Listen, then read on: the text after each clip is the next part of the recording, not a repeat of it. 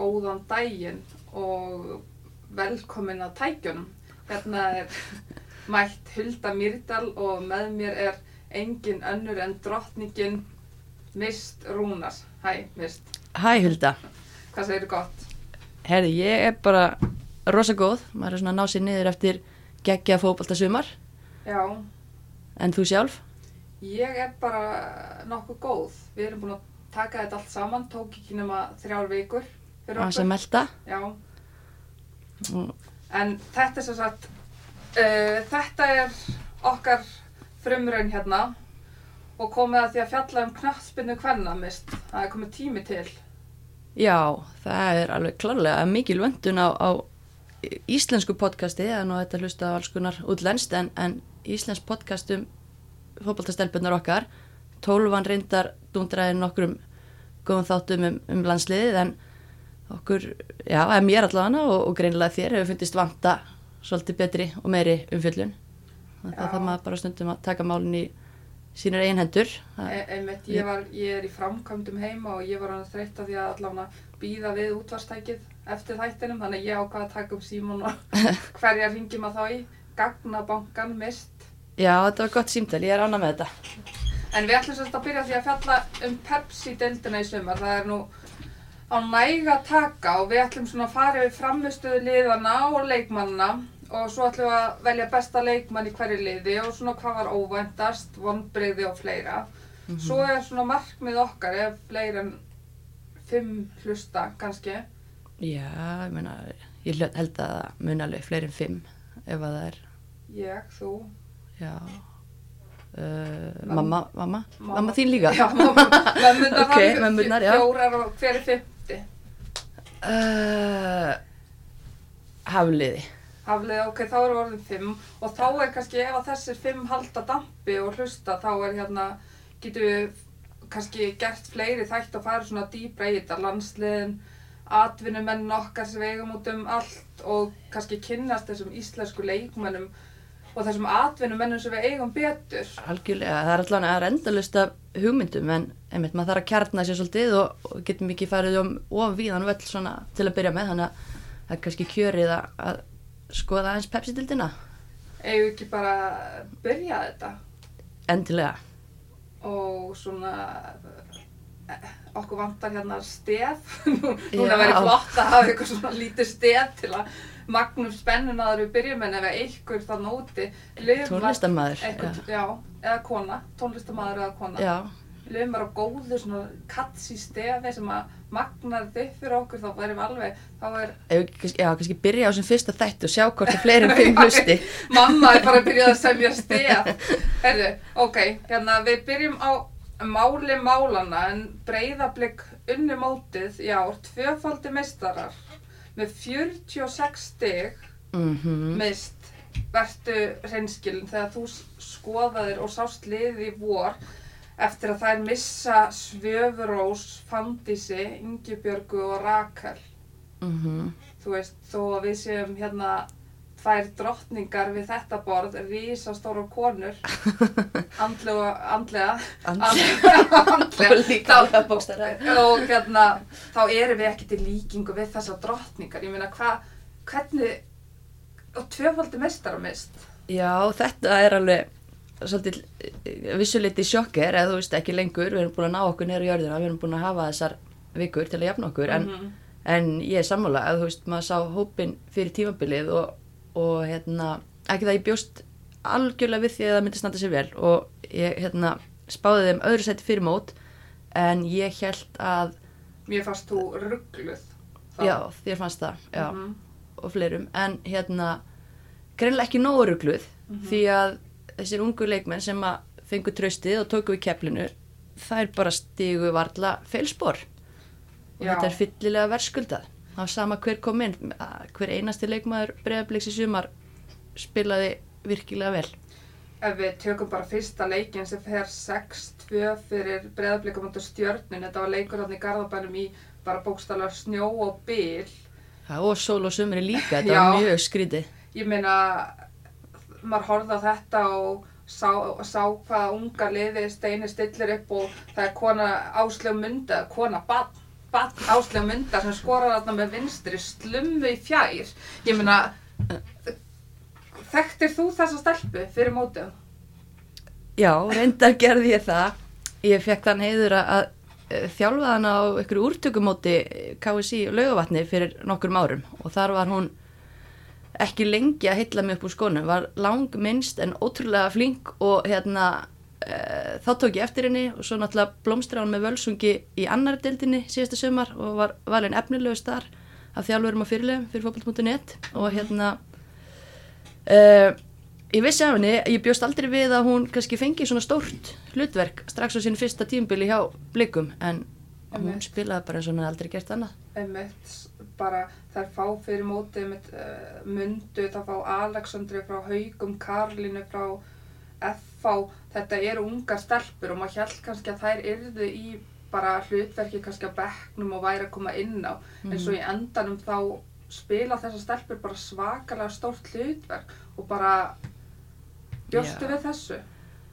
Um, þú veist já og nei að því að sko ég bjóst alveg við að það myndi spila stórt hlutverk að því að þær voru náttúrulega fengnar inn til að leysa ákveðna leikmann af en að samaskapi bjóst ég ekkert við að myndu rústa þessu hlutverki svona, ég meina Alexandra er einn besti leikmaður deildarinnar í sumar bara búin að vera stórkostleg. Og hérna reyndar tókum alveg eftir henni klálega í fyrra með haugunum og mér fannst hún best þar þá en náttúrulega var í allt öðruvísi hlutverki í allt öðruvísi liði. Og það segir kannski ímislegt um hana sem leikmann og hennar fjölhæfni sko. Mm -hmm, en hún passar hrikalega vel að inn. Og ég meina Berglind, hún hefur verið í þessu liði, hún hefur aldrei skorað jafn mörg, skorar 19 í ár, ef ég Mhm. tel þetta rétt og ég meina hún stígur upp þegar allar hinnar drottningarnir eru farnar, þá aldrei stregur hún vagnin áfram og bara sko, hefur aldrei skorað meira. Nei, hún átti frábært sumar uh, markaðist í dildinni og hérna, það sé rétt hjá mér að ekkert af þessum örkum kemur úr viti, þetta er allt úr opnum leik Mm -hmm. uh, þannig að eh, já, hún var náttúrulega klárlega rosalega mikilvægt að, að þessar gömlu konur innan gæsalappa að þær hafi líka stíið upp og, og dreigið þetta áfram. Emmett Sonny, hún fær að uh, fæst mörkin, hún algjörlega lokar markinu.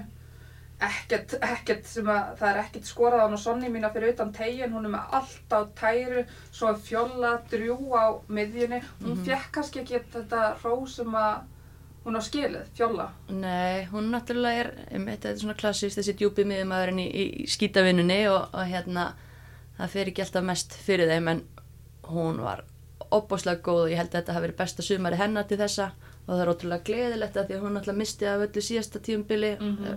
hérna vegna meðsla þannig að ríkilega gaman að sjá hvað hún kemur sterk og fókusurinn inn og bara geggja fyrir hann að taka þess að tilla og líka bara eins og Agla kemur frá stjörnun á síðast ári Agla Marja er rétt Agla Marja mm og hérna við gerum líka svo mikla kröfur til hennar. Hún eftir móti það var ekkert sérstaklega mikið talað um jújú, jú, hún var góð í sumar en hún er hún er svakara, hún skorar átta mörg leggur upp næst flestu mörkin, sjö mörg -hmm. hún er allt í öllu og það er rosalega skemmtilegt að horfa á hana að spila fótbolta Já, hún er frábæð leikmaður, ég er alveg samanlegar, hún er fætt sko 99, hún er bara unglingur sko, og, en við erum búin að vita af henni þetta lengi og að því að hún er hérna búin að stimpla sinni í landslið og svona þá við farin að gera mjög miklar og oft á tíðum bara held ég ósangjarna kröfur á hana. Uh, hún átti mjög gott tímabil heilt yfir, uh, rosalega hættulega leikmaður, alltaf ógnandi, hérna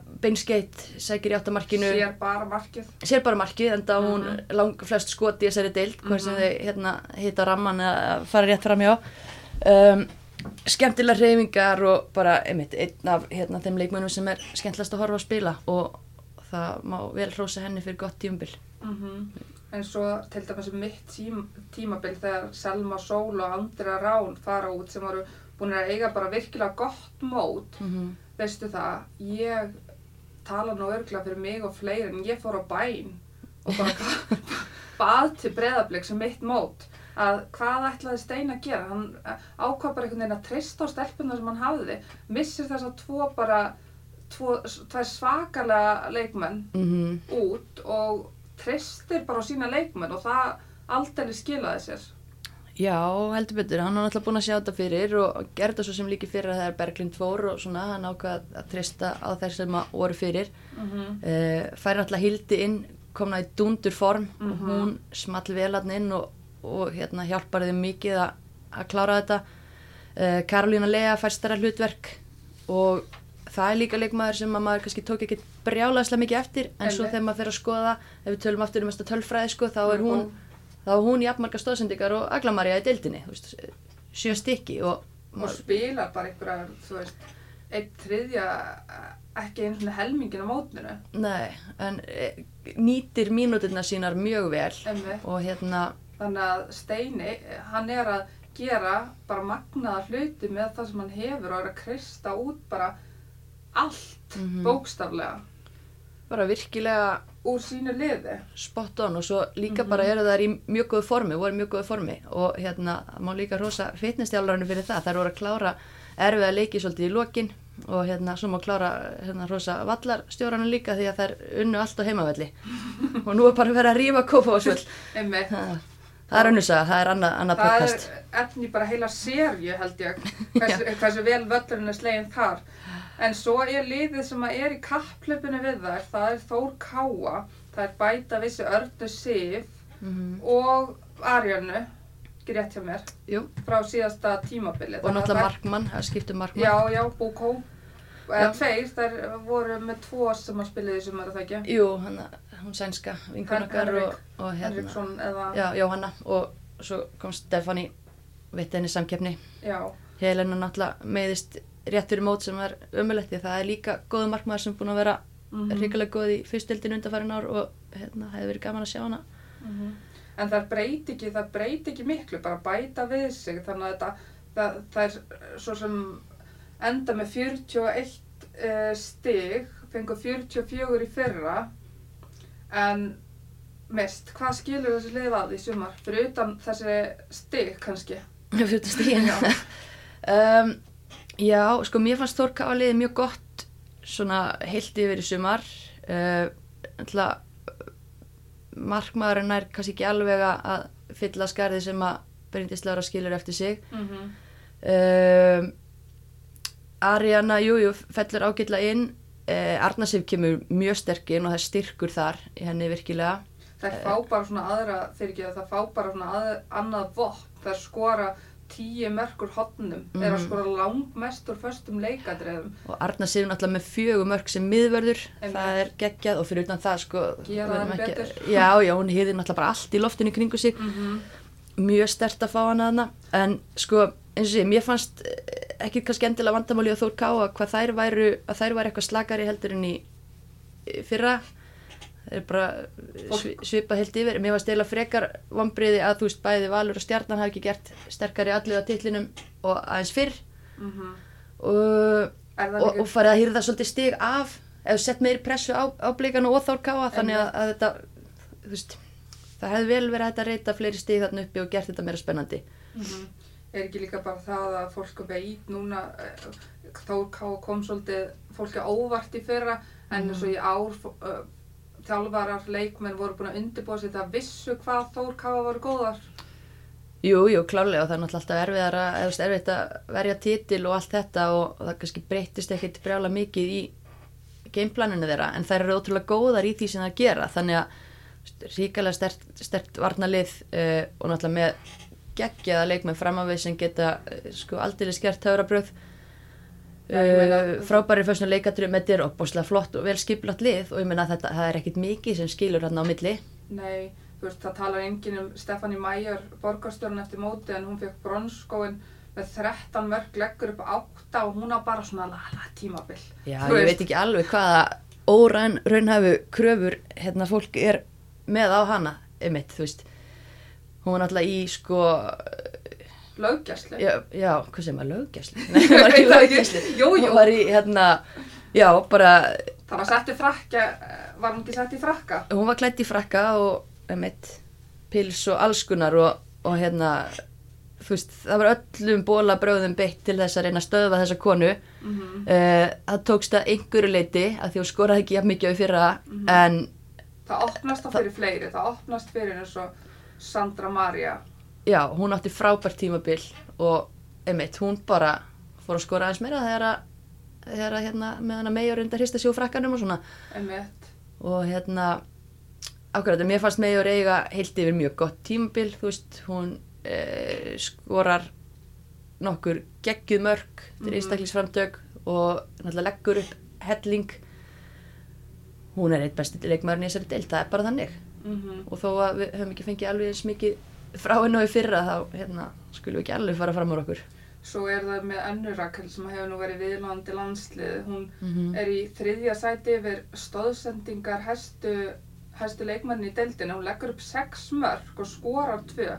Þetta er klálega leikmaður sem að, ég meina, uh, gæti komið sér inn í bakvarastöðin í landsliðinu. Hallberga hefur átt lögheimili þar og er bara gífulega sterkur leikmaður líka. Það er gott fyrir alla á samkeppni.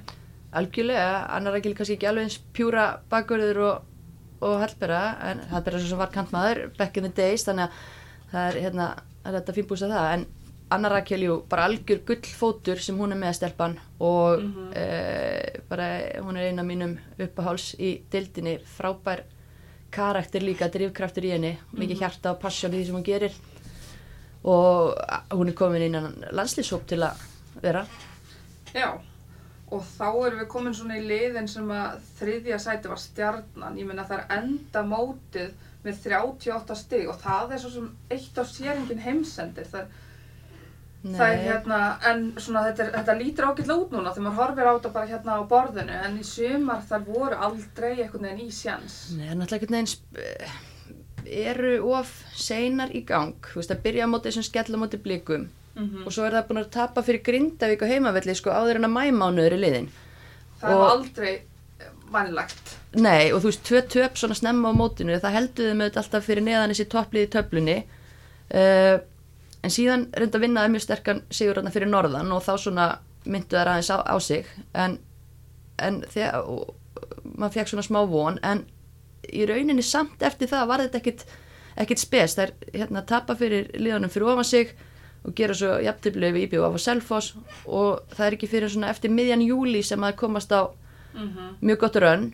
Og það komast inn þetta mjög gott rönn af því að ég var eitthvað að kíkja á þetta og ef við skoðum sko bara síðasta þriðjung mótsins þá hala stjarnaninn flestum stigum þar. Þú veist, þær eru með besta árangur allra liða í síðustu sex leikjónum þannig að þú veist, það eru of seinar í gang en gæðin klálega til staðar.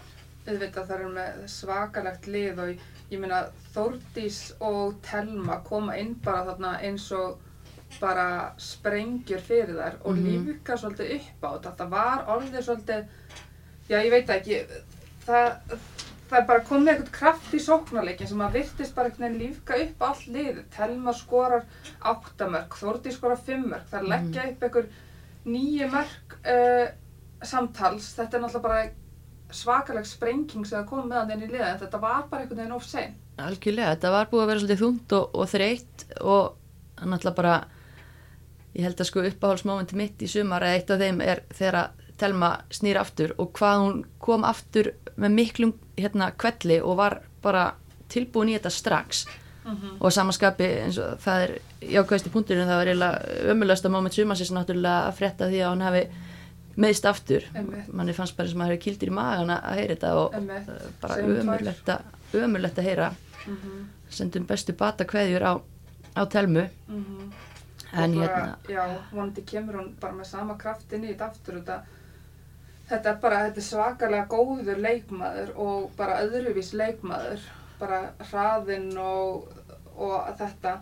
En svo er hérna það er eiga líka, það er bara ekki einhvern veginn þessu stöðu leik eins og síðustu ár þannig að missa önnu Kate út sem er náttúrulega bara vél og Mhm. gefið þeim gífilegan kraft alla yfir í breyðablik Donna Kay, ég veit nú ekki hvert hvarf hún ég veit ekki, Ég veit það ekki. landi Krist- brott Já, Kristrún Kristjáns.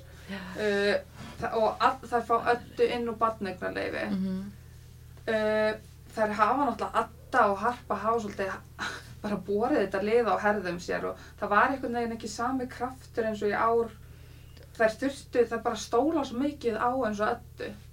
já, náttúrulega Adda kannski var ekkit í sínu besta standi þegar hún kemur inn en hún er svona, kannski má tengja eitthvað gengið hjá stjörnunni nú er ég bara að hugsa upp átt við það, ég menna hún er að komast í betra form eftir því sem álýður og Mm -hmm. endar þetta bara á fínum stað fyrir mér Einmitt, og, og, vaksandi. og Harpa reynda dottin út þá og það er náttúrulega enn einn ömuleg meðstina því að mér varst Harpa líka búin að vera ótrúlega góð í sumar og þegar það vantaði svolítið taktin í þessu stjörnuliði þá var Harpa samt alltaf að gera sitt og einmitt, og hún er bara stórkostlur stórkostlur leikmaður Sama með hana, fólk setur líka bara svo gífurlega kröfur á hana. Hún var búin að leggja upp eitthvað sex mörk þarna og skora líka sjálf þegar hún meiðist og það er náttúrulega bara munar um minna.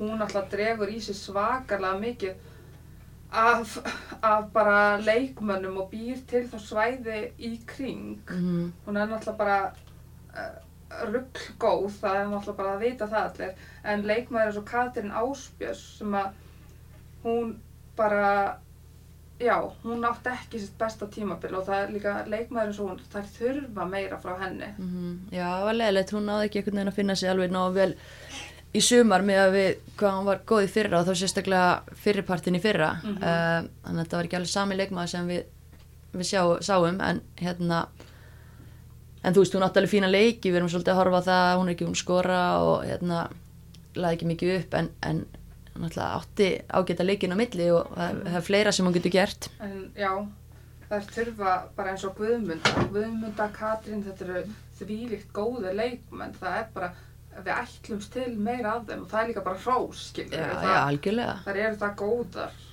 Að, þá, já, Já, það er þannig og, og við hérna erum bara orðlausar. Við erum orðlisar, nei, það er kunningur. Nei, langt í frá. En hérna, þá er komið að mínu helsta rannsóknarefni hérna og það er lið vals. Já, Þær fá 33 stig mm og fá ekkert á sig svakalega mikið af mörgum og halda boltanum ágætlega en þær voru aldrei heldur sjans og þetta er lið með bara því líkar drottningar. Ástís, að ég byrja hann á Ástís Karin, hún er kannski, jú, jú, hún verður, hefur alla burði til þess að vera drottninga, við erum með Dóra, Ma, Dóri Mari, Elin Mettu, Elisa Viðars kemur inn, Fandi spilar helmingin, Hallbera, Fríða, Sandra Sig, Telma Björk, þú veist, maður myndi ekki hata við að þjálfa þetta lið. Þetta eru alvöru konur og, og þvílík reynsla. Veist, Sandra, eh, náttúrulega reynslu, eða leikjahæsti leikmaður í deildinni, með einhverja 260 pluss leiki, sko. Og það eru þrjáraðna yfir 200 leikjónum í val. Þú veist, það er mikil reynsla, en það er líka mikil gæði og, Hvað gekk ekki sko, Svaraði mist. Leistu þetta núna? Uh, Pétur, ef þú ert að hlusta þá erum við að fara í það hérna næstu mínútur. já, þú, þú byrðir ekki um lítið, sko. Ég veit ekki, það er náttúrulega byrja á flugöldasýningu mm Mhm. -hmm. á Selfoss. Ég veit ekki Jesus. hvernig það fór í hausin á, á fólki. Um, Örgulega Sem- ágætli í hausin á þeim samt. Já, en ég meina, þú veist, ég veit ekki, Og kom eitthvað ofmat eða ég, nei, ég trúi, ekki þessi reynsla, þú veist, Nei. þú get, það, það má Það ekki eru gerast. vanar að vinna stort og halda áfram að vinna stort. Já, en ég bara spyr að því að sko, svo kemur í kjölfari mjög skrítin fótballtalegur um átti stjörnunni, Mhm. þess að valskonur í rauninni bara eru með boltan og eitthvað, en, en stjarnan bara, hérna, klárar þetta á skyndisóknum, bara Mhm. ótrúlega taktískur og flottu sigur á þeim. Já. En síðan, þú veist, eru valskonur eins og það er bara gera og hafa gert undanfæna ár, það er að vinna liðin fyrir neðan sig, uh, er alveg góðri stöðu ofalega í töflinni framan af, en hún var kannski að blekja okkur svo litið að því að þær voru bara búin að spila við liðin sem eru svona fyrirfram í rauninni röngu lægra. Uh, síðan kemur júli og hvað gerist í júli? Það er eiginlega kannski ykkur svona gulrót sem við þurfum að skoða ef við ætlum að fara að rannsaka þetta því að þar spila þær fimm deltalegi og vinna bara einn og þá fór að koma í ljós svolítið af veikleikum það, það gekk ekki vel á síðasta vallar þrjungi hjá þeim Nei, ég meina að þær halda boltanum og heldu boltanum ágætlega í sumar. Þetta var einhvern veginn bara svona stöngin út á síðasta þriðjungi. Þær eru að skapa sér færi. já, fullt af færum og, og hérna eða svona hálf, hálfærum en ég veit ekki, svo bara einhvern veginn það er náttúrulega eðlilegt þegar það gengur ekki vel að það, að, hérna, það var ekkit eintón gleði og maður svona upplýði stundum pyrring uh, horfandi á leiki með þeim og ég veit ekki hvort það hafi verið bara ákveðið sjokk fyrir þær að þegar þær, það kemur þessi slæmi kapli hérna í júli að þær er að spila sig út úr topparóttunni mann fannst þær ekki kannski alveg ná að rétt úr kútnum eftir það, það gerist ekkit spes eftir júli þó þær vinna einhverja leiki uh, og það er ekki fyrir í lokaum fyrir í rauninni sem að ná að vinna líða toppnum en þá eru blíkar orðni meistarar og byggar tinga í, í þeim mögulega, ég veit það ekki. En ekki það að það var mjög verðskuldað sigur hjá Val og stert hjá þeim að klára mótið á og bara skemmtilegt að horfa á á, þá. Skemmtilegt að sjá það spila boltanum og það, það eru svo góðar en hérna en svo fá þær fandisi og hún Mhm. spila með þeim helmingamótinu uh, var kannski of mikið eins og bara var sviðslösu of mikið á henni átti hún bara að koma og retta málunum eða sko ég held að, að þú veist uh, frá valsfólki séð þá hafi það ekki verið meiningin að hún ætti að koma inn á, á miðju sísoni og, og bjarga þeim eitthvað en ég held samt að fjölmiðlar og við fólk sem varum að fylgjast með utanfrá uh, aftur í þessa svaka kröfu og pressur sko að hérna ég held að Jú, við út í bæ höfum svolítið lítið að þannig að jú, ha, það er eitthvað smá ströggla á valsliðinu og nú kemur fandi sinn og, og klárar þetta. mm Og hún náttúrulega bara er ekkert á sínu besta stað þegar hún kemur inn en hún búin að vinna sig betur og betur inn í þetta og var hann bara komin í fínt format undir lokin og einmitt fyrir að skora og svona en það hefði verið mjög ósangjart ef, að, ef að það hefði verið eitthvað skilabóðin þú ert að koma hérna og vinna hennan titil fyrir okkur af því að við erum ekki konar í gang. En líka, ég meina að þetta eru stelpur sem eru svo svakalega það eru svo svakalega vanar að vera að vinna og þarna detta er bara út úr topparáttunni í júli og sjá að það er ekki ná að halda í þetta. Uh, það hlýtur að vera eða ég veit ekki, þetta eru það miklar atvinnu konur og það er eiga að geta gýra sig í þessa leiki þó að móti sér ekki búið, skilur að það hafi ekki verið með í topparáttunni. Mm. fannst þér það bara ekki fannst þér bara er ekki nenna þessu lengur eða? Nei, ég myndi nú ekki segja það en, en ég skal samt alveg viðkynna það að það voru nokkri leikir og kannski helst sem sittur, ja, minni stæðastur leikurinn við blika á Kópásvelli já, já, sem að tapa, þú veist, þá fannst manni bara já, stjörnuleikurinn úti það var bara svona pyrringur og það var ekki það, það var ekki gaman hjá þeim Nei, en ég meina, ok, ég spurði maður þessu sumar, er þetta mórallin? En ég meina, svo fær maður hérna myndbönd af þeim og þær eru að fara á stjórnina og öllum búaðið og það geggja þarna. Ég meina, ég vildi óska þess þegar ég vaknaði þarna eitt morgun að ég hefði verið bara í val. Allar fara saman og horfa siggu. Það, Já. það er ekki mórallin sem að ég er að... Nei. er að ég meina, það verðist vera gaman þarna. já, Slæma. það, já, já, en þú veist, ok, nú er komað hreint, Pétur að vera áfram uh, Dóra Maria uh, segist að halda að fórum að spila. Maður veit ekki með uh, fríðu en ég held að, þú veist, ég vona hún haldi áfram en það nóg eftir táknum þar. Og, en ég held að, þú veist, við sem að fara að halda í rauninni sömu, sama mannskap og sami þjálfari og það verður bara gaman að sjá hvað gerist í vetur. Og náttúrulega reyga Margit Láru inni uh, hún var komin á bekkin í lokaleiknum þannig að vonandi bara verður hún komin í gott stand fyrir næsta sumar. En nú spurði ég Pétur, Birgja, ég spurði hann í þarna loka leiknum hvort hann ætlaði að fara í einhverja Solrún Diego hreinsun þarna á hlýðarenda en það var nú ekki, hann, var, hann saði ekki. Nei. en ég meina það var líka bara ég, þetta var nú bara því ástandi því ég horfði að nefur og sá blika vera að fagna og meðal aldurinn kannski svona full, eða þú veist miklu lærri. Já, og þá datt mér þannig bara í hug en það er með svo svakalega góðan hóp. Það er ætti alveg að geta svoðið eitthvað góðan graut úr þessu. Algjörlega. Og ég, ég trúi eiginlega ekki öðru heldur en að þær, þær geri það. Þetta var hérna lærdomstíkt tímabil fyrir leikmenn og, og þjálfara. Og ég held að komi sterkari til leiks næsta sumar. Uh, eitt, sem, já, ég, eitt sem ég gríp og gríp fram í. Allt ég hefur setið á, ég er búin að setja mér í þrjár vikur hérna, ég, ég veit að þetta er erfitt. Hérna en eitt sem ég fannst líka vanta ég, þegar Fandís kom yfir þá hlakkaði svona í mér að sjá Hallber og Fandís við spila aftur saman. Mhm. þetta var náttúrulega bara flugvelda sýning að sjá þar í blikum og svo í landsliðinu bara saman. Það er Mhm. bara áætlun að ferða þarna upp kantinn og ég saknaði þess að sjá bara eins og Hallber leggja meira upp í sumar sóknarlega. Þú veist, hún er hún er ótrúlega leikmaður en hún lagði til dæmis ekki upp mark í sumar og opnum leik. Það, það er þurfa meira einhvern veginn svona frá svona leikmanni. Já, það voru bara of margi leikminn í valsliðinu að underperforma ef við tölum bara ljóta íslensku, ljóta einsku íslensku. Hérna, uh, en það er, og Hallbjörg er ein af þeim, við hefum viljað sjá meira frá henni og sóknarlega, ég meina við erum vanar að sjá hann að leggja upp heilan helling og ég meina hún var að vera ekki eins og vanta ekki boltana frá henni, ég meina er voru boltanir ekki nógu góðir eða voru liðsfélagarinn ekki að mæta eða þú veist hvert var sett uppi, var það nógu skýrt þú veist, ég veit ekki alveg nákvæmlega Einmitt. hva- hvar þetta liggur því að ég meina, það voru að koma boltar Mhm. en það kom ekki alltaf mörg og Kristal Tómas, hún skora þrjú og leggur upp tvö, hún var líka eins og það er ekki nóg sko. Nei, mér, þetta er svo hæfileika að ríkur leikmenn, hún gætt bara tætt mm leikmenn í sig og, og þetta er bara ekki nóg. Með að við að Elín, hún er frammi og hún til dæmis, það hefur ekkert verið mikið talað, um, hún skorar 11 stykki og leggur upp 6, hún er Mhm. að gera hellingarna fram á við. Ætla aðal, aðal sprautan hana fremst en mér fannst hún ekkit sko heilt yfir, jú á hún gott tímabil en mér fannst hún líka eiga hérna, slaka leiki og slaka svona tímapunta.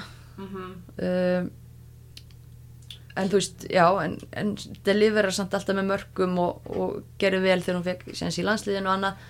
Uh, svo er líka annar leikmaður sem að, kannski var aðeins og sein í gang uh, og það er hlín Yes. en þú veist, þegar hún komst í gang Já. þá heldur betur var hann í gangi það er náttúrulega frábær leikmaður fólk heldur þetta sé dótti mín með hvernig ég fagnaði en ég bara, ég hef séð nokkra leiki með henn og mér fannst hún bara, mér finnst aldrei neitt talað um hana en hún er bara, hún, hún gerði, það er ennþá, það eru ennþá varnaminn út á hlýðarenda núna snúast í ringi, bara Já. eftir að hún var tættið á ísi í sumar. Hún bara, og mér finnst líka einhvern veginn gama við hana, hún er, ég veit að það er meining með flestum sendingum sem að sóknarmennir hérna kantmenn leggja fyrir, en hún einhvern veginn sendir hann alltaf út í tegin og reynir alltaf að finna menn, það er ekki bara bombað eitthvað fyrir. Nei, þetta er bara veist, einfalt en hún er svo ógíslega góð í Mm að hérna lætur þetta lít út fyrir já, lætur þetta lít út fyrir að vera einfalt. Var þannig? Maður þannig hérna að borðið, segjum við hérna, nei, nei, maður gæt alveg sólað einn og einn.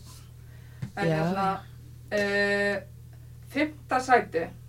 Mm í BVF, það er einhvern veginn, ég virðast einhvern veginn pikk fastar í þessu fymta sæti, enda þar líki fyrra og já, hvað hefur að segja mest um í BVF? IPVF um, Já, það eru vonbriði sko að því að fín leikmannahópur hjá þeim kemur enda snemma í ljósa markmaðurinn er veikliki Mhm. og þær þurfa að skipta þar um það lendi í meðslarinnum uh, ná einhvern veginn svona svolítið seint saman sínum vopnum en síndu það á loka kaplanum í rauninni hvað býr í liðinu.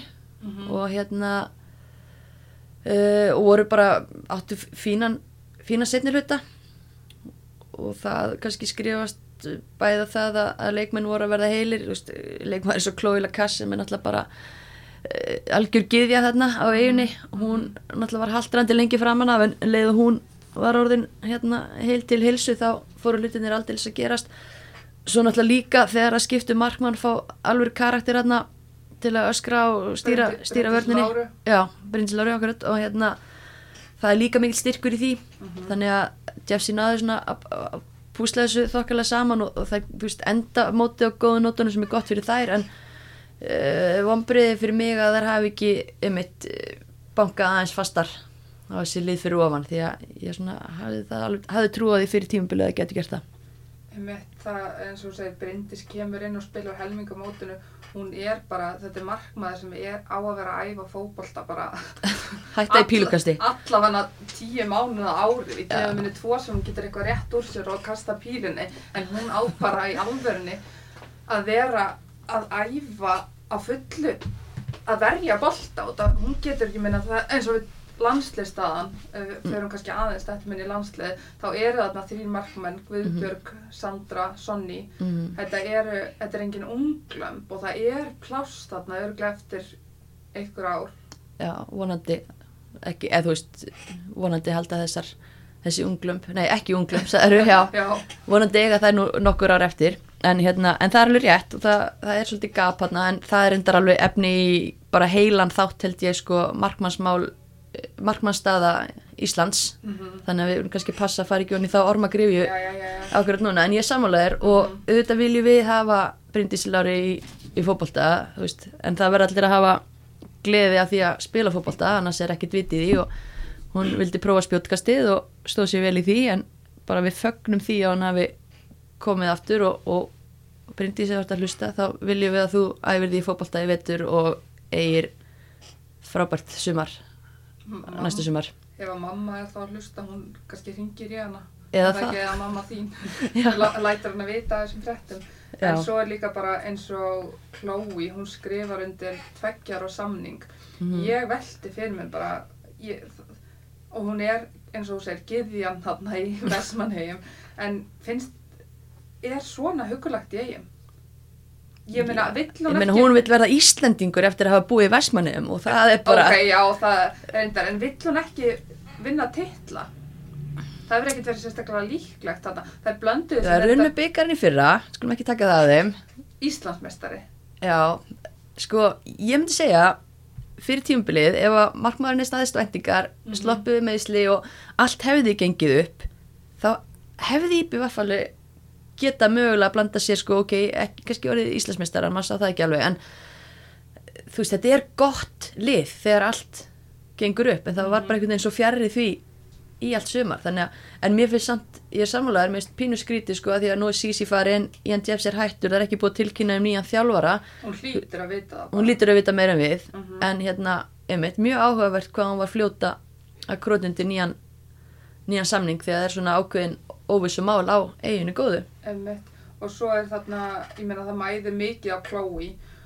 Og svo er leikmaður eins og Kristín Er- Erna sem spila tíu leiki og hún skora bara tvö mörg. Hún þarf líka bara að stíga meira upp. Hún hefur skorað mörg sem hún var lítil, skilur við. Já, já. Hún, Hún hún verður að hjálpa, hjálpa Chloe aðeins. erfitt sumar og hún er alltaf líka eina af þeim sem var bara eiginlega að spila mitt og, Mhm. og svo bara þarf hún að hætta þarna allt og snemma Mhm. en hérna en jú, hún hefði þurft að gera það. Eh, var jákvæmt að Klara uh, unglingurinn hún Klara hún hérna, hvað fætt 2001 eða 2, já hún allavega er að spila núna bara komin í, í líkil hlutverk í þessu liði og hún er alltaf að vera öflur og öflur, alveg óhrætt og, og kröftu og mjög ána með hana. En sammála það vantar vantar mjög mikið náttúrulega augljóslega í þetta íbjöfaflið þegar Chloe er ekki eða þegar hún er hálf eða En þetta getur ekki allt mætt, eh, mætt bara á einni konu, skilur það, það verða aðeins ef það er ætla að fara, ég meina það voru þarna fyrir, eh, hafa verið síðust ár að reyna að stíga þetta skref. En núna einhvern veginn vantar meira en bara klói krótundi samning og það haldið sínu fimmtasæti næstu árin, skilur það hljóta að vilja að gera betur. Þetta er ekkit skemmtilegt, bara hvorki í bottspennu Nei, en það, ég meina Já. það hlýtur að vera krafan að, að, að komast ofar og það ekki var þá vilja vera í bottspennu skilur það er skára vera í fymta sæti en skilur að vera í topparáttunni það hlýtur að, já, já, Já, en við bara býðum spenntar eftir fréttum já, af eiginni, það er líka svo þetta er svolítið skemmtilegu tími sko. Þó að við séum búin að liggja hérna í þrjár vikur í einhverju kóma að reyna átt okkur áallu þá, þá er ennþá svo mikið af hlutum í gangi og, og þú veist, þjálfaramál, leikmannamál veist, þetta er allt galopið. Mhm. Og en já, kjörnum okkur og höldum, höldum já, áfram. höldum dampi, höldum dampi. Heyrðu, þá er það Selfoss, sjötta sæti og þær koma upp úr fyrstu deildinni og eru bara, þetta er bara flott. Mm sjötta sæti er bara nokkuð gott koma upp úr fyrstu deildinni og þar er svona er um, vandamáli á þeim kannski að svona þær er ekki að skora nóg ok, þær lögðu kannski áherslu á mm markvörslu varnarleik og er með geggjaða konaðan í markinu -hmm. hún bjargaði þeim uh, Caitlin Clem. já, hún bjargar þeim svakalega oft og ver bara á margar dýrmætar vörslur þó ég segi þú segir sér frá það, það fattar ég alveg, já. Hún ver oft þarna hún var frábær, en svo líka eh, annar útlendingur sem að hérna, þær fengu inn og var fyrir framann hana, hún Allison. Mm þú Það- ég er mjög hrifin af henni. Uh, mögulega vannmettnasti leikmaður mótsins í ár. Mhm. frábær hafsend og með þessar tværarna uh, til að styðja við heimakonunnar Mhm. þá var þetta bara einmitt ansi solid lið tilbaka uh, jú, vantar klárlega að, að skora fleiri mörg en að sama skapi þá náttúrulega ef þú ert að halda hreinu og hérna, Einmitt. þá tapar ekki leikjum það verður bara að skora eitt mark þannig að það er svona frekar samkvæmt mínum útreikningum þá er það bara ágætt að halda markinu hreinu þá er alltaf von á það var alltaf hægt að setja eitt inn en svo er það með Magdalenu sem að Mhm. hún er líka bara ansi dugleg, hún er að vinna marga bolta, það er brotið oft á henni það er Já. brotið næst oftast dyrka. Magdalenu, hún er svo Hún skorar svo mikið tvö. passion hún skora tvö, leggur fjögur það er líka bara já, þær þurfa þær þurfa fleiri í aðstof með henni Já, útlendingarnir sem áttu að koma þarna framar á völlin, það náðu kannski ekki alveg að standundi væntingum sko hvað var markaskorun og sko Selfoss á fullt og góðum heimastelpum Erna Guðjóns og Evalind spil ekki nóg mikið Hvar, veist, hvar er Erna? Ég man enn eftir henni þá hún rendi sér á Kópavósvelli slætaði í hérna regningunni þá Já. hugsaði ég þessi þessi er geggjuð. Valin best á pæjumótinu bæði árin sín sko í fymtaflokki bara geggjuð. En já, hún náttúrulega, þær eru í háskóla. Það er náttúrulega líka þetta háskólavesen á selfisingum, þær eru alveg svona í svolítið sérflokki með það að vera að missa leikmenn út á miður tímambili þannig að það er náttúrulega líka hefur áhrif. Og þess vegna er kannski bara ágætt að fókusera á mjög sterkan öflagan varnarleik og hérna góða koni markinu. góða koni markinu, já. En þá er það, hérna, er eitthvað fleira sem vilt segja um Selfoss? Nei, bara kredit á þær og hrós, þær eru búin að tryggja sér áframhaldandi verið í deildinni, þú veist, með tvo leiki ennþá eftir á mótinu og þær eru nýliðar. Mhm. uh, það þú veist, fyrir utan hennar skell í fyrsta leik, þá eru þær inn í öllum öðrum leikjum, gefa öllum leik uh, bara virkilega flott lið með velþjálfað og bara góðu karakter í þessu liði og ég er mjög spennt að sjá þær taka næsta skref, þú veist. Fá, fá eitt góðan ref í bóksi fyrir næsta sísón og þá verður þær að fara taka næsta skref. Já, einmitt, maður hugsaði þarna eftir 8-0 skellin á móti val í fyrsta, fyrsta hérna, leik, hvort það myndi bara sk skrá sig úr mótinu strax, skilu, þetta leita ekkert sérstaklega vel, en Nei. það er því líku karakter, bara Mhm. alltaf færri og færri mörg sem að fá á sig og það er alltaf jákvægt, Já, þannig að það er bara einhvern veginn svona unnita svolítið, bara það kom skellur og það brotnið ekki við það. nei, algjörlega og þú veist það sýnir bara hausinn og hugafarið þarna og það er bara frábært að fá Selfoss aftur í pepsindildina og Mm einmitt, það er endi sjötta sæti sem nýlegar minna hvenar, þú veist, það gerist ekki á hverjum degi Nei, Mm. nei, nei, nei, nei, nei, nei. Herri, þá er það hitt liðið sem að kom upp, það er HK Víkingur. Þær fengu átján stig í hérna sumar mm -hmm.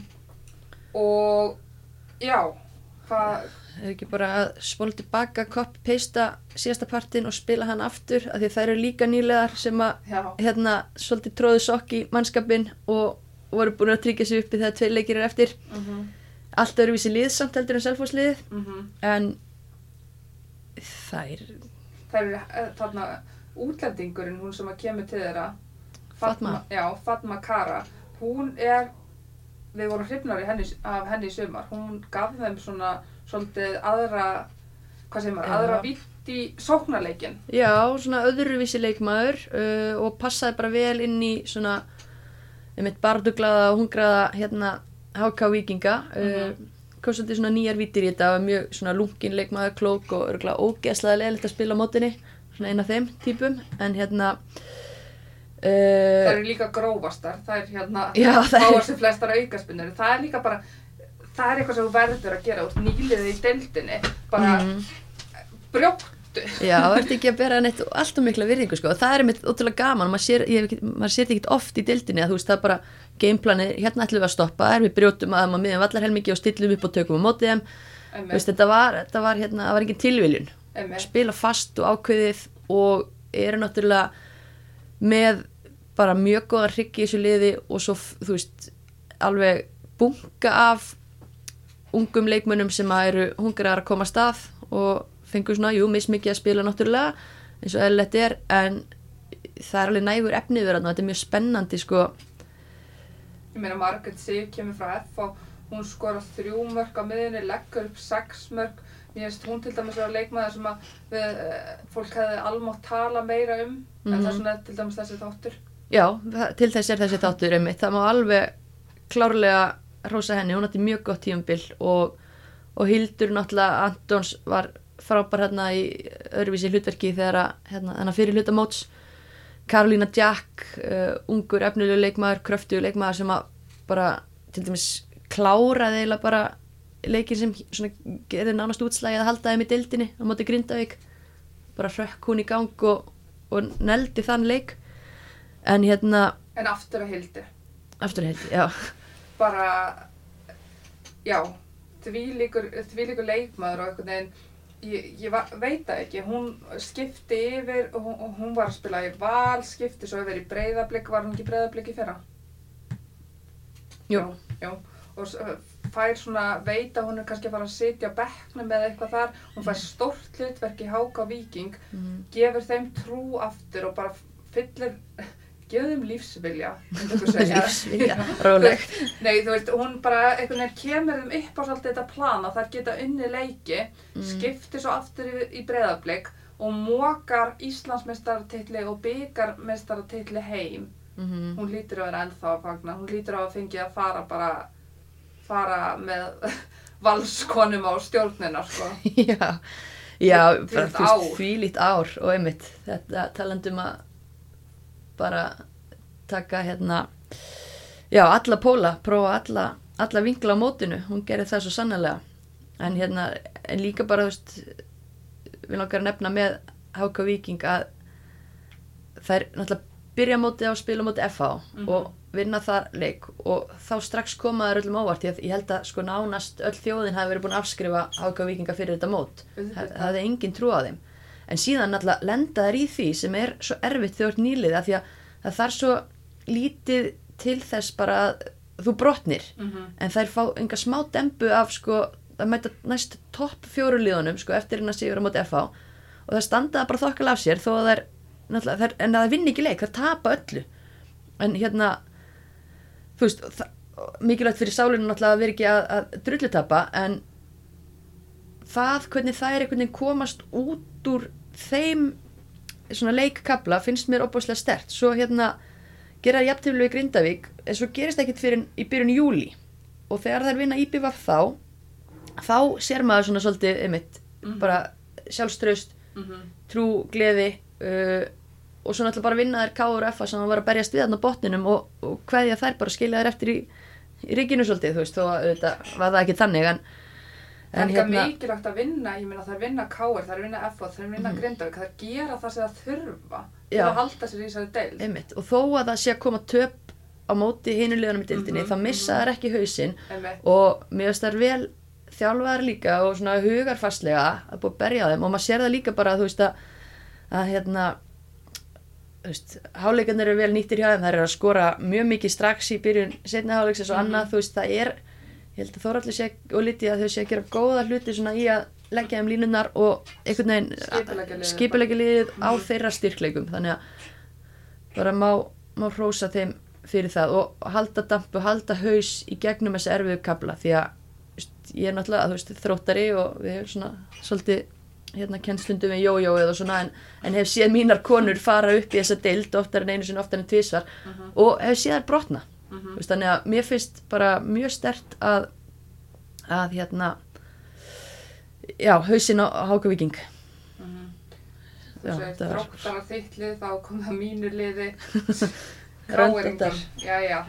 Þær eins og bara síðustu árun, þá er það að ströggla við botnin og voru alveg fram í sko loka umferð, það voru Mm. náttúrulega ekki hægt í loka umferðinni en svona fram í næst síðustu umferð þá er það bara í bölviðu brasi en hérna það sem að, byrju, að smá hérna já, ég smá skilabóðsending já, Já, skilabóðsending eh, var að fá símtal, maður geta ekki talað um það svart, svartkvítu.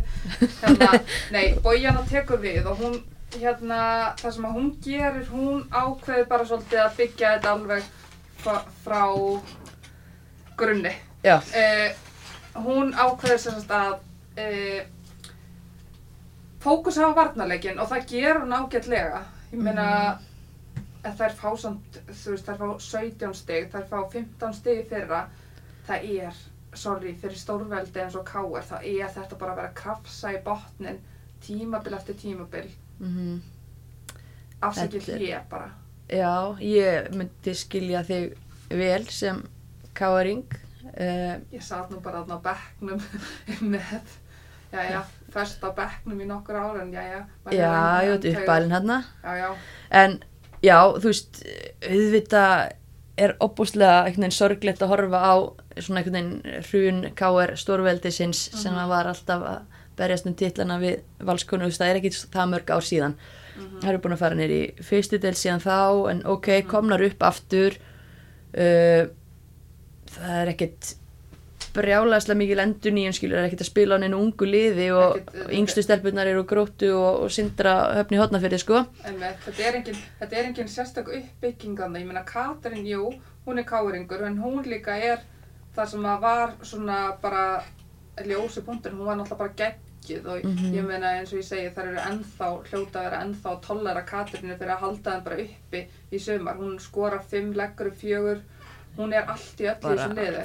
Stórkostlega í sumar og, og þá sérstaklega setni hlutan Mm og það er, en þú veist, eitthvað hlýtur að vera að gerast gott í KR, fyrst að KR nær samt að fá sko Katrínu og Þórunu Helgu og náttúrulega fríðu í fyrra heim, þú veist, þær eru með risa KR hjarta en þær láti ekki bjóða sig hvað sem er. Og þú veist, það er fullt að duglegu fólki að vinna hana í kringu meistarlega kvenna en manni finnst svona eins og yfirvaldið þarna æðstu menn og prestar þarna séu ekkert allt og spenntir fyrir. Fyrir stelpunum um, Það vantar svona, svona, já, ein- einmitt, einhverja uppbyggingu og einhverjar uppbalda káringa, ég meina, já, eins og segir, Þórun, Helga, Katrín, en fyrir mótið í ár, þá mistu það náttúrulega Guðrun Karitas, Ástís Karen, í, báður í val og Fríða náttúrulega fer í batnegnarleifi og það sem að hún gerir, hún þjættir bara svolítið pakkan, bójana. Já, ég meina hún verður eiginlega að gera það. Þetta eru náttúrulega þrýr hættulegustu sóknarmenn þeirra frá því fyrra og, og hérna það vantaði mikið í sóknarleikin hjá KR þannig að, En ég meina, það fá, þær fá þrjá útlendinga, mm fjóra. Fjóra, já, Betsy, Betsy var geggjuð, Bet, Betsy var góð, Já. það þekkjast hún og Katrín úr hann að háskóla boltanum, en Var- mist. Já, Sia Connors og hérna Mia Gunther, hvað verður raunskilin, þetta er bara, já, ég er búin að vera ógíslega leiðileg við þar í allt sumar og þú veist, Komnar- jú, það komu hérna smá framfærir og þær fóru að vita í hvað áttar að hlaupa og eitthvað en Sirka nei, þá. þetta er bara, þú veist, ef þú ert að taka inn útlending þá verður það alltaf að vera leikmaður sem er betri heldur en það sem þú átt fyrir og mér fannst það bara ekki vera raunin, en þú veist, leikmannhópurinn á KR er náttúrulega lítill mm það er kannski ennþá smá byð í, í yngri flokkana, það er alveg góða stelpur hérna í öðrum flokki. Þú veist, ég veit ekki, ég hefði alveg viljað sjá tvær, þrjár, fá mínútur af þeim sko, f- fína stelpur.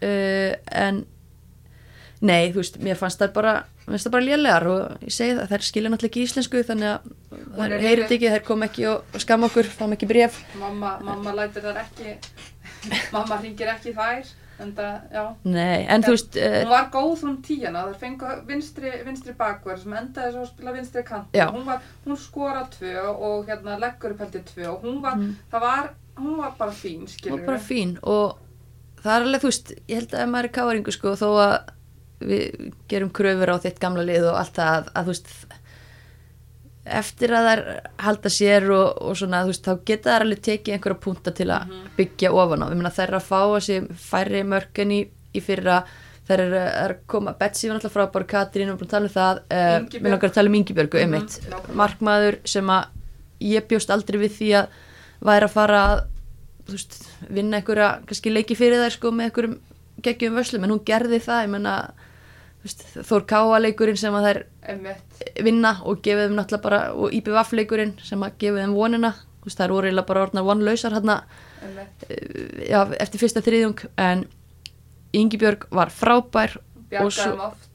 já, og hérna ungur efnilegu markmaður bara tvítug þannig að ég var mjög einmitt þó að maður fái oft hérstáttartrublanir þegar hún fer að staða út úr teiknum og svona, og svona. En hún bjargar oft, einn og einn, skilur hún er... já, hún er mjög góð, menn hún er bara að spila þessum svýpur á köplum og það er ekki fyrir hjartveika en, en hérna á meðan það er engin hjartveikur í varnalínu öftustu varnalínu hana þá er, þetta í góðu lægi um, Já. og svo líka í rauninni þegar hérna Ingibjörg fekk hérna í magan í einu leik og, og, og hérna þegar Hrafnildur kemur inn þá er Hrafnildur líka stórkostleg Einmitt. og mér fannst þær báðar vera sko, það var engin styrkleiki kannski fyrra, en mér fannst það báðar klárlega vera styrkleiki í ár, já stígu upp og Mhm. bara hrósa á, kýpurana hmm. Mhm. Þannig að þær geta vonandi bara byggt on á þetta og ég minna nú er varnarleikurinn orðin sk- skoteldur, markværslan skoteld, nú er bara byggja on á þetta og búa til eitthvað aðeins meira sóknar fútt þarna. Það er bara spurningið mitt líka, þú veist, verður ekki bójan áfram? En hefur eitthvað heyrt frá þínum hérna þínum so- sourceum í Vesturbænum? No comment. no comment, ok. Nei, ég veit það ekki, það er bara þetta er við ekki slúður þáttur Nei, við, við hérna, það er, verður séð þáttur um það hjá okkur, slúður pakkin, úff, já. Bara gömul SMS ykkur. En hérna, uh, já, þá erum við komin í liðin sem fjallu, þá voru Grindavík og Valur og mist. mm Grindavík 13 stig, það er það sem að verður þeim kannski að falli í sumar. Er að það gera fjögur jafntefli, það er dýrt þegar þú ert að krafsa þarna á botninum. Já, akkurat, en þú veist, þetta leit alveg, sko, Grindavík á líka annar lið sem að fáir hefur trúa fyrir tímabilið, eh, nýrþjálfari, eh, breytingar á leikmannahópnum, ra ra ra, alltaf spurningamerki með þessu útlendinga og það var nú nóg að þeim, sjö með sjó, sjö stykki. Sjö stykki og þú, þú fellur, mist, þú fellur með sjö stykki útlendinga, þá Já, er einhver skítalikt að þessu. það er eitthvað svo leiðis, það var reyndar, veist, ekki allar alltaf á sama tíma, en jú, ég ætla ekki að fara að verja þetta, en þú veist, fer, já, byrja mótið á því að spila á mótið sem bestu liðum og tapa bara svona frekar samfærandi fyrir þrema fjóru toppliðunum en síðan bara koma þær með einn óvandasta sigur ársins uh, og vinna stjörnuna á það útivelli uh, Það, það, það virtist svolítið vera eins og bara þær væri ennþá að fagna því og allir að fagna þessum sigri bara, þær eru ekki ennþá að fagna honum. Já, Nei, ég veit ekki, segi þú veist að svona koma og geta framist að þarna eftir en þú veist að gera dýrkepp jættibli eins og þú nefnir Mm -hmm. en svo vinna þær káer og þá, þú veist, leiti þetta alveg vel út, en Mhm. þá tala maður um hausin eins og ég var rosa háka vikingum fyrir að hafa haldið dampi einhvern veginn. Það kemur erfið hrina þannig hjá Grindavík og það er einhvern veginn verðast ekki ná að stilla sig af eftir það, taprinu og fara að nefnit í hennan fræga hálgerða úslita leik við háka viking það var náttúrulega ekkit pjúra úslita leikur auðvitað, en enda nóg eftir að mótinu en þú veist, báðir þjálfararnir vera samt hafa stilt í svolítið þannig upp og það lendaður í mótlæti og þú veist, ég skil alveg að voru pyrraðir að fá viti og eitthvað í þessum leik. En það er bara einhvern veginn missa hausinn algjörlega tapa 4-0 og það fannst mér þar falla. Veist, það fannst mér bara það er eitthvað ekki ekki í lagi þarna. Og ég meina, hún hérna, Ríó Hardy er náttúrulega bara svo himnasendingarna fyrir þær og hún skora hvað 11 mörg, já, 11 mörg af 14 hjá Grindavík Og ef maður reiknar það, þá er það ansi mikið á eina konu lag. og hún spila líka bara 14 leiki þær fengu ekki, þær tvíbara fengu ekki heimild fyrir en eftir fjóra leiki þannig að, já, þú veist, það er það er bara frábær himnasending og það er auðvitað búið að vera brjála að gera hjá henni í, í, í símanum, sko Ég er ekki lið, það, hún hlýtur að hafa fengið símtal frá liðum í Pepsi-deildinni. ég held að hvert einasta lið í pæfstildinni geti nota svona, Er það ekki? jú, svona sendir. Hún bara sér, sér bara markið og, og sér bara rekordi hjá henni. Einmitt, og er að búa til líka bara mikið sjálf, það er ekkit eins og hún sé að fá hún þjónustu var í kringum sig. bóða mikið innmanna einu á topp og svo bara dælt á hana sko. En svo er það líka, þú veist, það eru bara þrýr leikminni grindavíkuleginu sem spila alla leiki. Þú veist, í Vivian í markinu og hún átti alveg svona fínt tímabil ekki eins gott á í fyrra. Mhm. uh, og svo Isabel og Dröfn sem eru svolítið svona hjarta í liðinu fyrir mér, þú veist, grindavíku konur uppaldar og svo er bara spurning, þú veist, hvað ætla þær að gera eftir tímabilið, Dröfn er alltaf unglíkalansliskona og stefnir hátt í fótboltanum, menna ef þær er að fara frá Grindavík núna því ég veit að það er örgulega ímstilegt að gera í símanum þar líka Mhm. þú veist, þá held ég að getur Grindavík bara verið í dálti vondum málum. En, og, og kannski líkil, þú veist, ef að það er verið áfram þá eiga er kannski einhvern séns að koma sér strax aftur upp. En þú veist, þetta er svolítið þetta er alltaf mikið útlendingum, þetta eru ofáar heimakonur og kannski mögulega oflangt í að næstu verið alveg tilbúnar í eða, þú veist, taka algjörlega við kepli þannig að ég er svona hér pína áhyggjur af Grindavík og það verður uh, líka bara frálega að sjá hvort að rey haldi áfram með þar hann er Einmitt. náttúrulega heimamaður og svona þannig að það geti verið kannski bara stert að hann reyni að taka slægin aftur og, og réttu kútnum en, hvað heldur þú? er ekki bara máli fyrir þær líka að uh, byrja svona svolítið frá grunni bara uh, vera ekkert að stressa sig þarna í fyrstu deildinni Mm. byggja upp bara gott lið á sínum stelpum í staðum fyrir að vera að fá heilan heilt skip, heila flugvela hérna útlendingum sem það er þú veist sem er alltaf svona lott á skiluru og reyna að halda sér ykkur bótt bara átt í Pepsi er þá ekki bara frekar skynsilega bara gera þetta hægt og rólega og bara að reyverður áfram að byggja bara upp Jú, ég meina auðvitað finnst okkur það sem horfum á þetta utanfrá. Og þú veist það er held ég auðvelt eða að skinsamlega lausnin en það er ekkit gaman kannski eða þú veist, ég skil alveg að ákveðni leikmennana get ekki sínt því þólumæði ef þær ætla að maksa sinn feril og annað. Þannig að þú veist já, þetta er tvíeggjað sverð að minnstakosti En þá förum við í hitt liðið uh, sem fjall og það mist. Þetta er eiginlega bara ástæðan fyrir að við setjum hérna svona sendir að við vorum að telja mörkin sem að þær fengu á sig. Þær fá á sig ykkur 40 mörku meira enn í fyrra. Hvað gekk á? Úff, já, ég veit ekki, þetta er 40 klálega mörkum er ég að fara með ykkur að... Nei, örglega ekki, ég var bara Eða þannig gefa þér auga eða ég bara, er fjör, kannski er þetta hérna, jú, fá sig 40 mörk meira núna Já. enn í fyrra. það, það, bara hljómar mjög sennilegt og eðlilegt Ég meina, þær eru með 30 leikmenn á skýsli á sér sumar, með mm Mhm. fá 6 stig. Þetta er alveg bara, mitt þetta er vonbreiðalið sumarsins eins leðilegt og það er um, það er náðu sínum besta árangri fyrra ætlaðu að gera betur í ár uh, og það bara var eiginlega s- hérna, sást bara strax í fyrsta leik að það var ekki að fara að gerast uh, ég held að það hefði ofmetið leikmannahópin sinn. Það er hérna missa náttúrulega frábæran útlending sem var í markinu hjá mig fyrir að taka inn annan útlending í markið sem er bara ekki var ekki nógu góð. Uh, missa Megan Dunningan yfir í stjörnuna hún var frábær hjá mig fyrir líka. Karolínu Lea. Karlínu Leafer, já. Og það er bara, held ég, of mikil ábyrð á of marga unga leikmenn.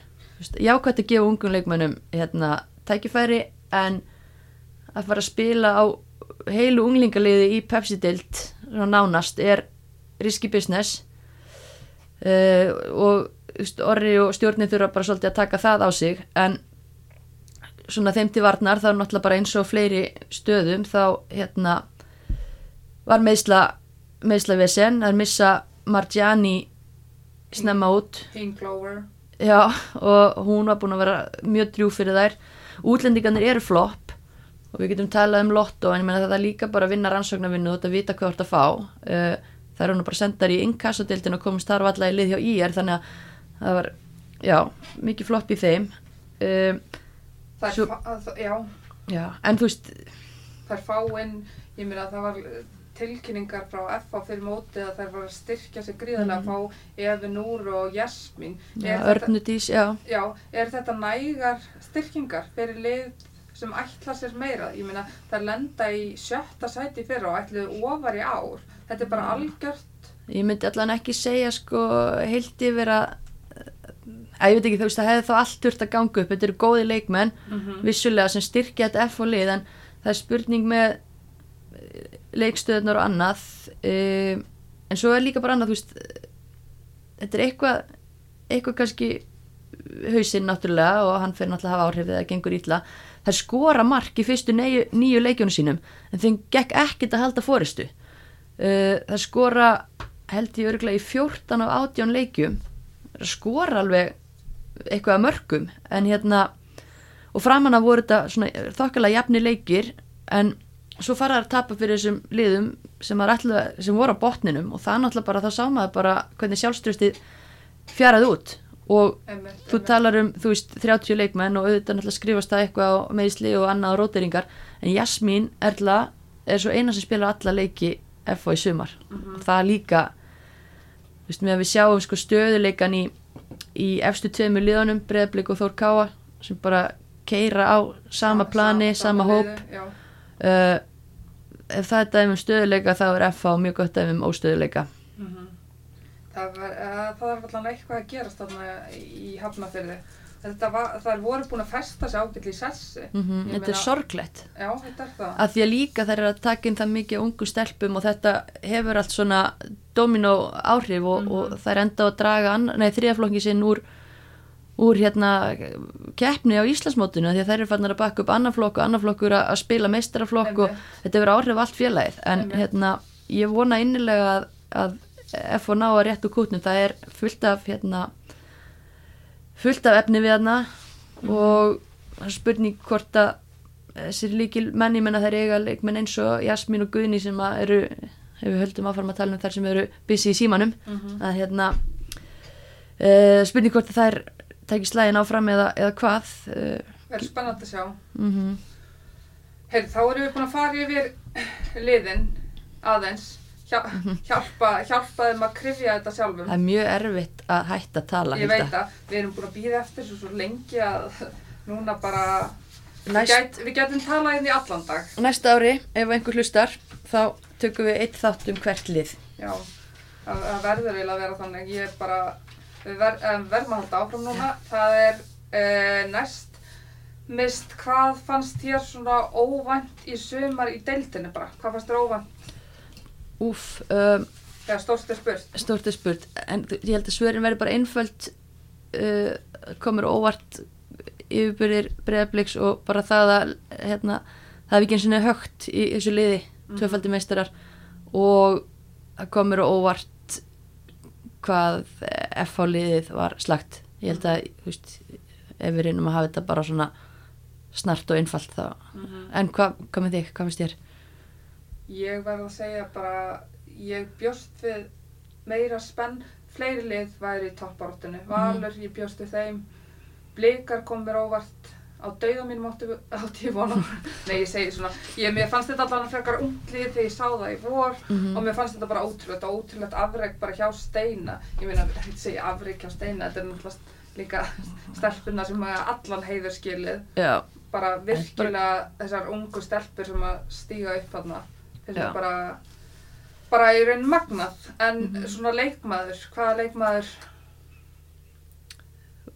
Best, Þú ekki vona þessari. Nei, á, bara óvæntast. Óvæntast, já. Ok, þá segi ég Alexandra, komur óvart hvað hún var í stóru hlutverki og hvað hún leisti það vel. ógeðslega vel. mm En þú, nei, það er þótti ekki vona þessi? Nei, það, ég- þú ættir að segja þessari, nei, en að mér fannst það líka bara og mér finnst bara þessir ungi leikmenn allir í breyðarbleik bara bæði þeir sem að þeir fengu Karlína, Lea, Alexandra, Áslega Munda, þú veist, ég horfði á hana í síðasta leiknum á móti Val, jú, ég val, Valur vann, en þegar hún fór þarna tætti í sig þarna drottningarnar í Val og leggur upp mark á Berglind og þau hugsaði bara, af hverju hef ég ekki séð hana, skilur við, af hverju er hún að koma núna eitthvað í Pepsi-deltina, hún kannski bara, það er bara þannig aldur á hún. Hún er bara, já, kjúli. Já, en það, já, það er þessar bara sem að mér fannst svona bara að sína okkur ansi tró, tróðu sokk upp í allan að Mhm. mig. Já. Sitt með hann hérna ennþá. En þá ætlum við að fara í hérna besta leikmann í hverju liði. Eigum að byrja, byrjum á botninu mist. Er það ekki bara? byrjum bara liðinu sem varst að Var að láta um- heyra það. Já, við vorum sammála um það að, að við myndum velja Jasmín besta og kannski eiginlega engin annar sem gerir eitthvað þannig laga kröfu í þann titil svona eftir að Marciani meðist allavega Það var ekki byðuröð. Nei, þú veist, Jasmín var frábær í sumari 2015 og svo missir hún úr allt 2016 út af crossbanda meðslum var fín í fyrra, mann fannst hún samt ekki búin að ná sér alveg 100% bara eðlilega, uh, betri ár en í mjög erfiðu hlutverki. Og eins mikið og einmitt ég vona að FH komið strax aftur um deild þá vona ég samt að, að Jasmín verði í Pepsi-deildinni næsta sumar. Hún á að vera þar. Já, bara hún, uh, ég tók nú bara eftir henni yngri flokkanum í fjölni þegar hún var að spila þar. Þá rúlaði hún upp þessum, þessum yngri flokkum allan með vinstri þannig að, en það segir nú kannski ekki margt en hún hefur alltaf verið góð. alltaf verið mjög góð og einmitt meiðist á opuslega leiðilegum tímapunkti Mhm. þannig að, að þú veist þú veist, svona leikmaður sem að þarf að springa algjörlega út Mhm. og á eftir að gera það, vonandi strax á næsta ári. En þá erum við komin í Grindavík, best í Grindavík og við vorum nú sammála um það. Mm Já, við völdum marka maskínuna, Ríó Hardy, Mm hennar, hennar tölfræði talar sínu máli og lífgaði aldeilis upp á deildina, það fengi allir á Íslandi sjokk þegar að hérna, Grindavík vann stjörnuna og bara hver er þetta, Ríó hver, Einmitt. bara mætir í Garðabæin, mm, besta stimpla minn. Og já, bara flottu leikmaður, skemmtilegur karakter, ég vona að hún verði áfram á Íslandi næsta sumar. Og K.R. Þú mátt nú tilkynna hver, hverja við vorum sammálum að velja drottninguna í Vesturbænum. Fá við trómuslátt. Herri, það er Katrín Ómar. Það er ekki margir sem að geta skora mark eins og Katrín. Það er hún skoraði hjólesta spurnina. Það er bara, hún getur gert hluti sem að það geta ekkert margir gert. Þó þessi bara einur út í garði sko og það gerur hún með 5-6 varnamenn Já, bara á já. bakinu. Hún er og líka sjá hann að spila og eins og hún notaði bara leikmennina sína stundum bara sem batta, skilur hún hljóp upp allan völlin fekk boltan aftalega og svo bara notaði hann þær sem veggið þarna til já, að fá hann já, aftur kloppaði þessi í gegnum allan pakkan. Þetta er bara er unun að horfa á hana. Katrínu. Mhm. skil ekki að það ekki verið fleiri og á vellinum í sumar ef við tölum bara, það er svo mikið af góðum leikmennum í þessari deild. Mm mætingin, er það ekki bara annar þátt Það er annar, það er jafnvel tveir, þrýr, þáttaröð bara, sér. Emmett, út af þetta er svo fólk áttar sig ekki á því hvað þetta eru miklar Nei, miklar gæði. mm en þá, nóum það. Hvað vikingur, við vorum sammála um það eða ekki sammála, en við ákveðum að velja Margréti Sif þar, Mm ég þurfti nú aðeins að berjast fyrir því. Já, þú ertur ekki að berjast mjög mikið fyrir því, ég var alveg til í það. Mér varst þetta svona, mér varst engin svona ein eitthvað öskra á það eins og kannski þessum þremur liðum sem nefnt á undan. mm En jú, Margrét Sif bara búin að vera opbóstlega góð og mikilvæg í sumar eins og varst að nefna það, hún er búin að skora og leggja upp mikilvæg þeirra sóknarleik fær ekki hrósið sem hún á skilið. Nei, mér finnst það með allavega, hún er með leikskilning sem að einhvern veginn ég fíla og hún er hún leggur upp og bara með góða yfirsinn yfir leikin og er bara mikilvæg þarna á miðinu en já, fleiri sem kom til greina þar Ka, Fatma Kara var Mhm. góð þar Algjörlega, þú veist, uh, og Karolina Jack fannst mér líka mjög góð en Björk var flott í markinu já, svona framan af sérstaklega, já. já, En já, ég held að við, já, skulum bara bara í næsta lið fara í næsta Þa, lið. þá er það Selfoss og þú ætlar að velja það, þú ætlar að tilkynna þetta og þú allan heiðurinn að þessu vali. Já, það er bara vinkonu mín, hún Alisson, já, og hérna mið, miðverður miðverðurinn, mjög mikilvægur hlekkur hjá þeim. Þær fá bara 25 mörg á sig, eða bara, ok, það er slatti, en áttan alltaf í þessum fyrsta leik. Þær fá miklu minna mörgum á sig heldur en liðan í kring. Og það er einmitt eh, minn, mínum, hérna, mínu vali, Alisson Haran og þú varst nú hrifin af Caitlin Clem, þú veist að þær fara langt með Mér grunar að tölfræði. hafi verið að vinna þetta eitthvað saman. Já, þetta er samvinna. Þannig að, já, Klem var góð í markinu líka en við völdum hanna miðverðin. Alisson. Já, og því okkur finnst líka svo gaman að tala um tölfræði að, að hún er satt samkvæmt uh, innstað tölfræðinni næst besti hafsendin í Pepsi-dildinni í, í sumar en ég man eiginlega ekki eftir að hafa hýrt neitt tala um hana sem er ekki frá Selfossi nei, ekki heldur þannig að það er bara IBVF næst og þar veljum við, Já, við veljum Chloe uh, og við sem er búin að tala nógum hana. nóg um hana þannig laga sko bara fögnum því að hún er orðin eða þá bara mínútu spursmáli að hún verði Íslendingur Mhm. og nýri landsliðsjálfari sem er satt, líka efni í annan þátt hérna, uh, landsliðið að hann getur þá valið hana í, í hóp Einmitt, hún heldur áfram að vera best þar, þá erum við komin í val. Þetta, það eru slagsmál hérna fyrir þá að velja hérna val. Nei, við völdum, vilt þú tilkynna það? Já, við veldum Elinu Mettu uh, þó að hafi kannski verið einmitt aðeins kaplaskipt hjá henni þá náttúrulega er hún bara ótrúlega drjúg og uh, aðri sóknarmenn voru ekki að delivera nógu vel í val en hún bara gerir það sem hún á að gera sendir, skora mörg, leggur upp og bara stór skemmtileg leikmaður Mm gaman að horfa hann í fótbolta. Mhm. Uh, svo erum við með í stjörnunni, þú, eða kannski eitt, þú vildir, eða við vorum saman á það, Telma Björk, okkur varst hún líka flott á miðinni. Já, hún fær hérna næst best í val frá okkur. Mm Við vorum mjög hrifnar af henni þegar hún var heil. Spilar á miðjunu og dreifir spilinu vel, þar halda boltan gífilega vel, þetta var kannski þeirra vandamál var þessi síðasti þriðungur, Mm en það var ekkert út af Telmu að sagast. Nei, hún var bara hrikalega, hrikalega góð. Hmm. Yes, heyrðu, þá erum við komin í stjörnuna og þar veljum við besta. Dalalalam, uh, Láru Kristínu, hrikalega flott sumar hjá Láru, algjört akkeri og svona stöðuleikin þeirra á miðjunni, spilar allt tímabilið og bara eitt hennar besta tímabil held ég. Hún vinnur líka, hún er bæði mikilvæg þegar hún fær boltana og dreifa spilinu og hún vinnur líka marga skallabolta fyrir þær. Mm. Algjörlega og þú veist þarna náttúrulega líka eru með Þórdísi og Telmu og Hörpu sem banka mjög fast og grimt en hérna, Harpa, já, nei, það spila bara ekki nógu mikið til að geta einhvern veginn, eða, veist, allan að við ákveðum að velja Láru og hún er fyllilega, eða þú veist, okkur finnst það fyllilega verskulda en já, okkur finnst líka hinnar Þannig að þrjár það- eiga sérstætt hrós. Mér Skilið. fannst allavega að Lára Kristín þessi stöðuleiki sem að hefur verið í stjö, á, stjörnunni síðustu ár fannst það kristallast í henni í sumar Mhm. var, hún var stöðu í sumar hún þurfti bara einhvern veginn að fá fleiri með sér Já, já, hún bara átti gott mjög gott tímabil. Hmm. Herri, þá er það, ertu nokkuð að sopna?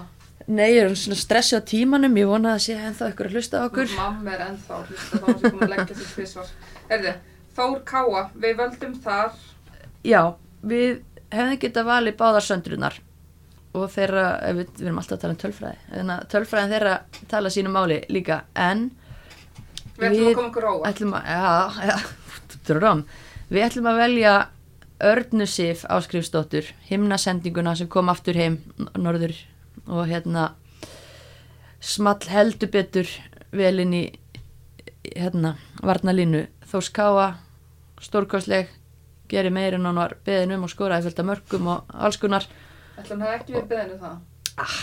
Æ, þetta var asnalegt hjá mér, jú, takk Nei, Hulda, nei, jú. allt er góða Það er En- eitthvað, hann, Jú, hún, hann, Donni segir pottitt alltaf Arna farið inn í hotninu og skoraði. Og hún er hlýðin, hún gerir það, hún gerir það. Breytum þessu, og En- það, þetta gefur þeim líka bara svona nýja, nýtt vopn í vopnabúrið að Mhm. hafa konur eins og hana sem getur skorað bara alltaf það er ekkert grín þegar hún er mætt í bóksið förstu leikatriðin maður, já, Það eru bestar í því í sumar og það er að stórum hluta að þakka Örnu sig, þólkonur geta bara þakka henni kærlega fyrir þessa nýju vít sem hún er að gefa þeim. já.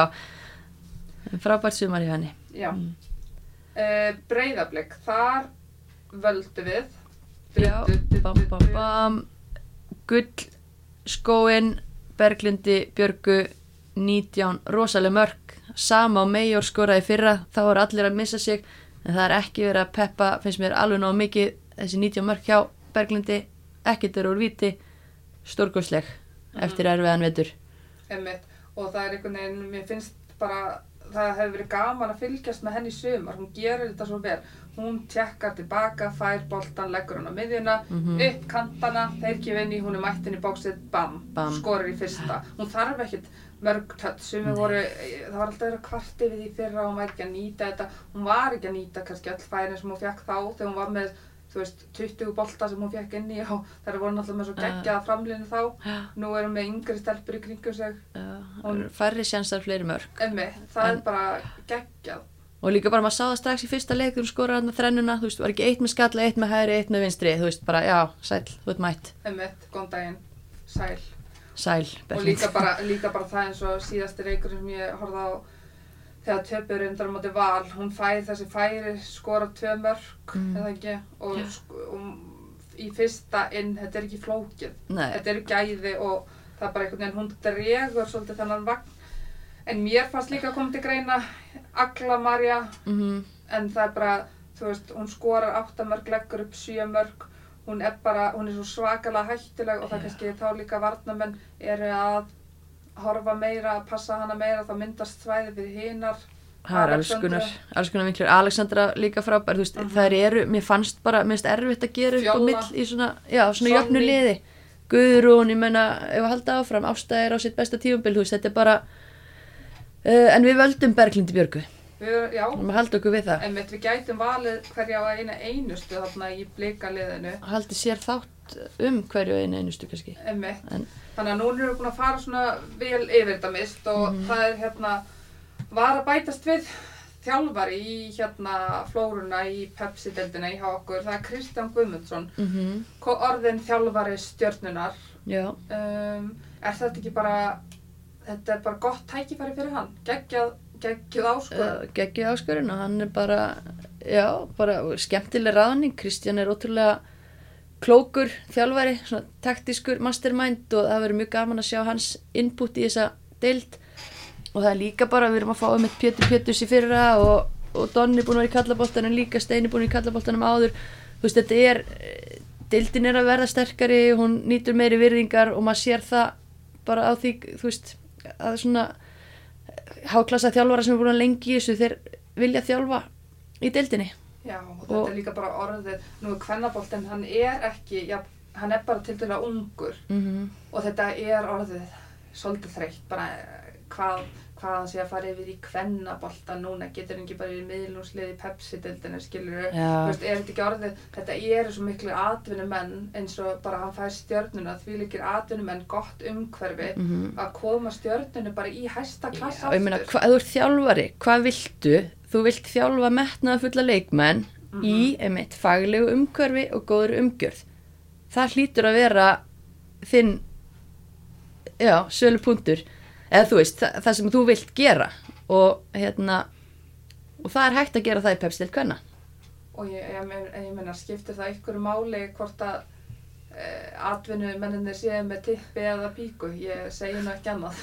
Nei, nákvæmlega. Ég meina, þú veist, það er bara ástriðan fyrir árangri, það er bara það sem að, já, sem ætti að skipta máli. Og svo náttúrulega líka punktur að, sem að máli taka inn í þetta, að klubbarnir eru farnir að borga betur fyrir mm Mhm. þjálfara stöður hvenna megin.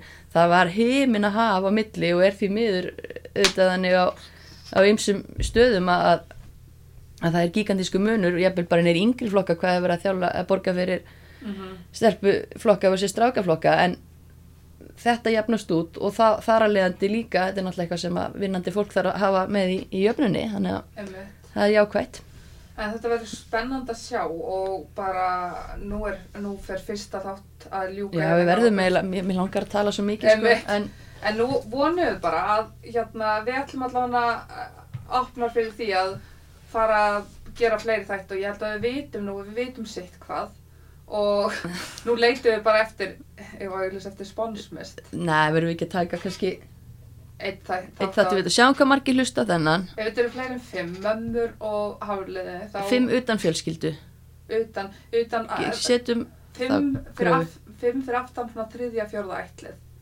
ok, Ef þetta er eitthvað fjarskilda frængur. það má alveg Ok, ok. en já, en allavega þú veist, ég held að veri það þarf að ræða landslið, það er náttúrulega þúndrandi fréttir að berast að líklega búið að, að þú veist ganga frá mjög áhugaverðri ráðningu. Mm uh, og hérna, já, þetta er eitthvað sem þarf að ræða en ég bara, við getum ekki byrja núna því þá munum við ekki stoppa og ég var að mæti tannlæknis eftir korter. Einmitt, einmitt, en þetta var virkilega áhugavert. Við Hulda Mýrdal og Mist Rúnarsdóttir. Kveðjum ykkur að sinni, takk fyrir okkur. Takk kærlega